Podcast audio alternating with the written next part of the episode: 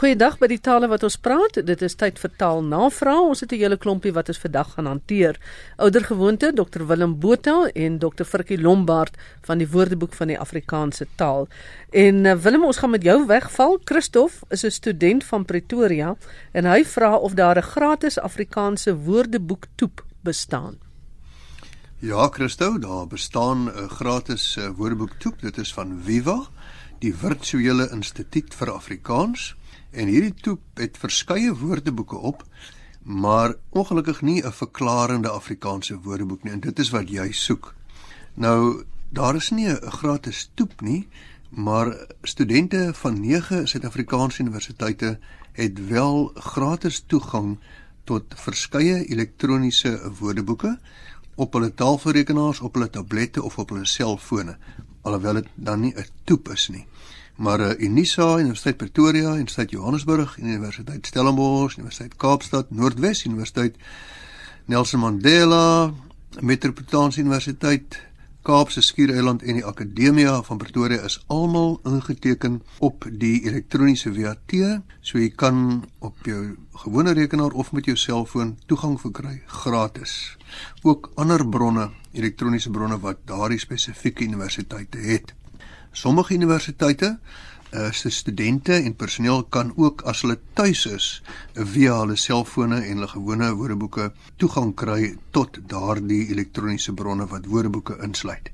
So daar is uh, verskillende maniere om gratis toegang te kry tot uh, Afrikaanse woordeboeke.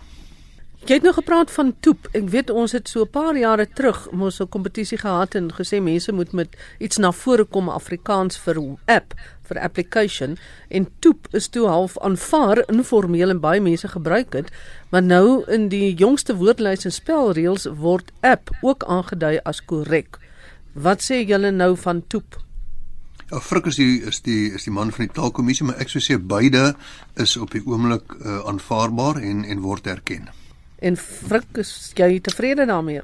Ja, wat ek dink 'n mens moet aanvaar, jy weet, uh, app leef sterk, maar uh, ek dink nie dit is so heeltemal verkeerd om toep maar ook te probeer vestig as 'n uh, term naas app. Dit is soos ons in die verlede ook die woord boetebessie ehm um, gehad het wat nou eers maar net in die volksmond gebruik is. Vanus Rautenbach het dit geskep en uh, maar dis nou nie noodwendig die amptelike naam nie.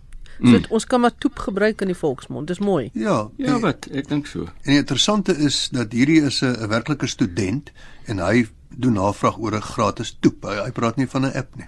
Dan Frikkie, mevrou Dorie van Randfontein wil graag hê dat ons weer waak en weer waarskuwing 'n bietjie verduidelik. Ons het dit al in 'n vroeëre program gedoen, maar daar's nog altyd lyk dit vir my by luisteraars onduidelikheid oor wat is 'n weer waak en wat is 'n weer waarskuwing. Ja, dit is inderdaad so, Magdalene. Ek dink die eh, omtrent hier by 2010 rond is haar besluit om bepaalde terminologie te vestig wat dan ook verskillende boodskappe wil suggereer. En dit uh, is gedoen vir al die tale in Suid-Afrika. Die een woord wat gebruik word ek met wil hom byvoeg is 'n weeradvies sogenaamd. Dit beteken die boodskap wat daarmee saamgaan is jy moet kennis neem. Neem net kennis. Die Engels sê be aware. En ek weet daar was teen weerwaak was daar bietjie weerstand geweest, maar dit is nou maar eenmal 'n 'n term waaraan 'n sekere betekenis geheg moet word en ek dink ons moet dit so aanvaar. En weerwaak sê vir jou wees voorbereid. Be prepared. Met ander woorde wees waaksaam. Dis waar waak nou ook miskien maar vandaan kom. Wees waaksaam en volg die jongste weerberigte is die boodskap wat dit vir jou wil gee. Die laaste een dan is 'n weer waarskuwing. En dit staan gelyk aan neem aksie. Take action is die Engels. Die boodskap wat dit wil oordra is wees ekstra waaksaam vir gevaarlike weerstoestande en volg die advies wat deur owerhede verskaf word vir jou oor die radio, oor televisie of wat ook al die geval mag wees. Dit is dan die hoë risiko weer wat ons tipies nou in Florida sien waar Irma die mense bedreig en waar hulle ook vir mense sê julle moet julle goedjies oppak en julle moet liefs vertrek en as jy bly en nie wil ry nie dan is jy op jou eie en dan gee hulle gewoons gewoonlik die boodskap hunker down met ander woorde skuil en met die idee skuil waar dit die veiligste is So dit is hoe die drie dinge van die weer mekaar steek en ek dink ons moet dit aanvaar en aan elkeen dan die spesifieke boodskap wat dit dra, moet ons net verstaan. Willem Daniel vra waarom word 'n sekretaris voel nou juis so genoem? Ja, die sekretaris voel is 'n groot roofvoël met 'n arendagtige liggaam en lang bene en hier agter in sy nek het hy regopstaande vere. Hy leef van akedisse, insekte, paddas, muise, klein skilpaadjies en slange. En dit is die enigste voël wat regtig niks bang is vir enige slang nie. Dit is al gesien dat hy 'n briesende geel kapel sommer gou-gou mee klaar speel. Nou die sekretarisvoël is ook bekend as Afrika se marserende arend. En uh, hy kan tot 30 km per dag stap al kan hy wel vlieg. Hy verkies om te loop. Nou wat die naam betref, hulle word so genoem as gevolg van die ooreenkoms van hulle nekvere met die oudtydse veerpenne wat die klerke na bewering agter hulle ore geplaas het wanneer hulle dit nie gebruik nie. So dat die penveer of dan nou die veerpen agter hulle oor ingesteek as hulle nie geskryf het nie. En die voel se voorkoms met die regop vere wat uit sy nek uitgroei herinner dan aan so 'n sekretaris. Nou interessant, al hierdie elemente is in sy naam. Sy taksonomiese naam is Sagittarius serpentarius. Nou Sagittarius is dan ook nou die sterreteken die die boogskutter maar Sagittarius is afgelei van Latyn sagitta 'n pyl en Serpentarius kan jy duidelik hoor as 'n serpent is 'n slang en eintlik uh, kom dit van serpere Latyn om te kruip en uh, hulle het nog die slang gesien as iets wat kruip en dan baie interessant tot 1800 is die voël in Afrikaans eintlik bekend gewees as die slangvreter En hier van 1800 af is hy die sekretaris voel genoem. En dit is interessant in al die tale het hy hierdie naam Nederlandse sekretaris vogel, Duitse sekretêr, Frans is ook sekretêr en Engels is secretary bird. So dis algemeen om die ooreenkomste te sien tussen hierdie roofvoël en die ou sekretarisse. Dan het ons 'n vraag van M Dromon, 'n frikkie wat vra oor gevalle soos wynlande en uniegeboue nou ek dink is na aanleiding ook van in die verlede wat ons al daaroor gesels het soos die ehm um, Natal Midlands wat in Afrikaans middelland is en nie middellande nie en dieselfde met unigebou maar nou kom wynlande ook by. Sal jy net weer vir ons verduidelik hoe werk hierdie storie? Ja sekerlik uh, en dit is soos jy daar sê Magdleen in Afrikaans gebruik ons dikwels idiomatiese enkelvoudsvorm waar Engels weer 'n meervoudsvorm gebruik. En so kan 'n mens dan nou praat van die Unie gebou eerder as die Unie geboue of die Engels gebruik wel Union buildings. Hulle sê ook sê byvoorbeeld buildings of parliament en in Afrikaans sal ons net praat van die parlementsgebou. En soos jy gesê het, ons sal nie van die winelands of the Cape praat nie, maar die wynland van die Kaap. Dieselfde kom voor by uh, iets soos Victoria Falls, Howick Falls, ons praat net van die Victoria waterval. Die Howick waterval ook iets wat ons dikwels kry is dat daar van botaniese tuine gepraat word. Nou ons land het verskillende botaniese tuine. Daar's ek dink 9 nasionale en verskeie ander botaniese tuine. Maar wanneer 'n mens van een praat sê, sê maar dan nou 'n uh, eh, Kirstenbos, dan sal 'n mens net sê die Kirstenbos botaniese tuin.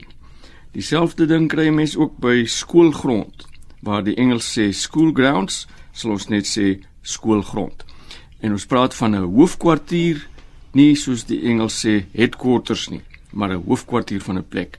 En ons praat van die nasionale argief, nie die nasionale argiewe nie. So ons uh, die Afrikaans verskil daar van die Engels en ons moet maar liefs by daardie idiomatiese patroon van die taal hou. Nou Willem, nou kom ons by statistiek en statistieke. Vroeger is ons nou ingedrul dis net statistiek Suid-Afrika en jy kry net een statistiek. Vandag is dit algemeen die erkende naam statistieke Suid-Afrika en jy kan praat van statistieke. Wat is die storie van jou kant af? Ja, ehm um, dit is waar, maar ons kan nog steeds ook net praat van statistiek. Ehm um, die een gebruik van statistiek het nie 'n meervoud nie en dit is wanneer dit gaan oor die metode of die wetenskap van gegevens in verband met massaverskynsels soos die bevolkingsaanwas en dergelike te verwerk. So die wetenskap of die vakgebied is die statistiek, maar as dit gaan oor die spesifieke statistiese gegevens of 'n stuk waarin statistiek vervat is, dan het hy 'n meervoud en as jy gewoonlik in die meervoud. Nou so verskillende stukke statistiek is statistieke. So dit gaan oor verskillende soorte of verskillende dokumente wat statistiek bevat. Jy sal byvoorbeeld praat van die statistieke in verband met 'n land se bevolking naamlik geboortes en sterftes, hoeveel mans, hoeveel vroue daar is, watter tale hulle praat, hoeveel geld hulle verdien ensovoorts. Dan is dit die statistieke wat verband hou met 'n land se bevolking. Maar onthou, die die vakgebied of die wetenskap is nog steeds statistiek sonder 'n meervoud. Goed, Frikkie Toby van Deventer versoek dat ons oor die woord rykhalsend gesels. Ja, dit is 'n woord wat taamlik deftig of verhewe is en die tipiese gebruik is dat jy rykhalsend uitsien na iets met ander woorde jy sien in 'n hoë mate daar uit of jy, jy sien verlangend daarna uit. Nou waar kom dit vandaan? Nederlands uh, ken die woord rykhalsend met 'n z geskryf al sedert 1748 en dit was oorspronklik dan die teenwoordige deelwoord van die werkwoord rykhalsen wat beteken vurig verlang na en uh, dit is veral attributief gebruik.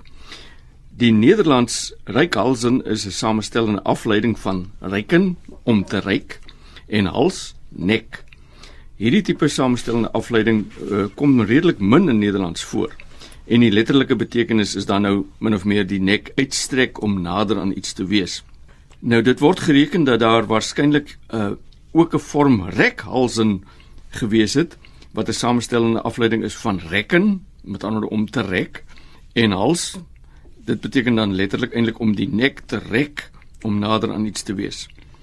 Nou naas hierdie rekhalsen is daar spoedig rykhalsen gebruik en dit was beide in die letterlike en ook figuurlike betekenis. Maar so in die middel van die 18de eeu het rekhalsen in onbruik geraak en rykhalsen is begin gebruik en dan ook veral in die figuurlike betekenis soos ons dit vandag ken. Uh letterlik sou dit dan wees dat jy as dit ware jou nek gestrek het omdat jy nader aan iets wou kom, omdat jy dit wil sien, omdat jy dit wil aanskou en beleef. Uh en dan die figuurlik jy sien in 'n hoë mate daarna uit. So mens kan eintlik sê volstruise is baie ryk halsend want hulle doen dit gedurig. Ja ja. So. Willem Rita vra na die herkoms van die woord kaneel en voordat jy dit sê, sê net gou vir ons die gediggie op van Opperman. Ek kom nou daarby, hoor. nou maar verduidelik ons dan die herkoms van die woord kaneel. Goed, nou kaneel is daardie welriekende bruinkleurige spesery. Ons kry dit uit Frans kanel en dit is die verkleinwoord van kan, 'n rietstingel. En dit kom nou weer uit Latyn canna wat ook dan nou so 'n stingel is omdat jy die kaneel maak van die gedroogde binnebas van die kaneelboom. Dit word nou fyn gemaal en dan het jy nou kaneel, maar jy kry hom ook in in 'n pypvormige formaat, dan is dit dan noem ons dit pypkaneel. En dit is dan 'n uh, pypvormige stukkies bas van die kaneelboom. Nou, ehm um, is interessant, dit is seker die mees poëtiese spesery wat daar is, want soos jy reg opgemerk het, dit die Opperman 'n pragtige gedig geskryf wat soos volg begin: My nooi is in 'n narkie, my ouma in kaneel, daar is iemand, iemand in anys, daar's 'n vrou in elke geur. Maar eh, wat interessant is van kaneel is dat dit omstreeks die 13de eeu vanuit die ooste in Europa aangekom het. En 'n mens wonder hoe lank was dit nou al in die ooste in gebruik, maar in elk geval Europa het dit in die 13de eeu vir die eerste keer ervaar. Maar ook in die Bybel. Ek wil terugkom by die poëtiese, ook in die Bybel word kaneel gebruik. In Spreuke 7 vers 17 staan daar: Ek het my bed besprinkel met mirre, alwyn en kaneel. Kom ons drink van die liefde tot die môre toe. Frikkie Gerda van Straten wil meer inligting hê oor kwashiorkor. Ja. Wat is dit vir 'n ding? Dit is 'n toestand van ernstige ondervoeding by suigelinge en kinders en dit word veroorsaak deur 'n gebrek aan proteïen in 'n die dieet. Veral as daardie dieet dan hoofsaaklik uit styselkos bestaan. En dit word gekenmerk deur vertraagde groei, bloedarmoede, lusteloosheid en swelling van veral die hande, die voete en die gesig. Via Engels kom dit eintlik uit Ghanese en dit beteken eerste of tweede of 1 2 na aanleiding daarvan dat as die tweede kind gebore word dan begin die eerste kind aan ondervoeding ly. Ek dink nie ek was die tweede kind nie. in hierdie geval nie. So net so Jy jy is jy 'n middel, jy is 'n middelkindjie, né? Ja, middelkind. eh, So ek weet nou nie wat daar fout geloop het nie. Goed, 'n laaste vraag vir vandag en dit gaan aan Willem. Net soos ons nie huidigelik uitgeroei kan kry nie, lyk dit vir my ons kry nie van dit in plaas van hiervan uitgeroei nie. En so sê Sissie van Brakpan. Ja, sussie, ek hou absoluut niks van dit nie. Dit van dit uh, steek my dwars in die krop. En nie sommer net omdat ons ehm um, moeilik wil wees nie, maar die meeste taalkundiges regtig voel glad nie gelukkig hieroor nie omdat dit so 'n verlies in Afrikaans veroorsaak. Omdat die hele verskil tussen hiervan en daarvan val eenvoudig dan weg. Mense praat net oor van dit.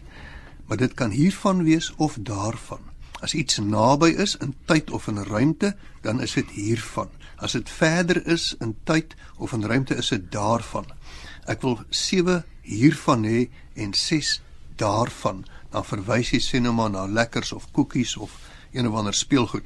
En daai hele onderskeiding verdwyn as jy net praat van dit. En dit is ongelooflik verarmend vir Afrikaans en dit is jammerlik. Dieselfde natuurlik vir oor dit, met dit en deur dit. In plaas van oor dit kan jy hieroor of daaroor gebruik. In plaas van met dit, hiermee of daarmee. En dis 'n groot verskil in 'n in 'n wins in 'n rykheid in Afrikaans wat eenvoudig hier verlore gaan. Ja, die betekenis is ook baie duideliker van wat Precies. jy bedoel as jy dit so gebruik as wat jy sommer net sê van dit. Ja. Nou ons sal probeer om uh kyk huidigelik is nog altyd daar ons probeer om dit uit te roei en ons gaan probeer om van dit ook uit te roei. Of 'n sukses gaan hê weet ek nie, maar ek dink ons staan saam, ons drie, né? Mm, Ja, en dit sal net wonderlik wees as as RSG ehm um, ook Saam die staan. die, die, die regte boodskap verkondig die hele tyd, ja. Ons gaan hard probeer. Baie dankie vir interessante verduidelikings soos altyd. Dr Willem Botha en Dr Frikkie Lombard van die Woordeboek van die Afrikaanse taal. Magdalene Creer wat groet tot 'n volgende keer.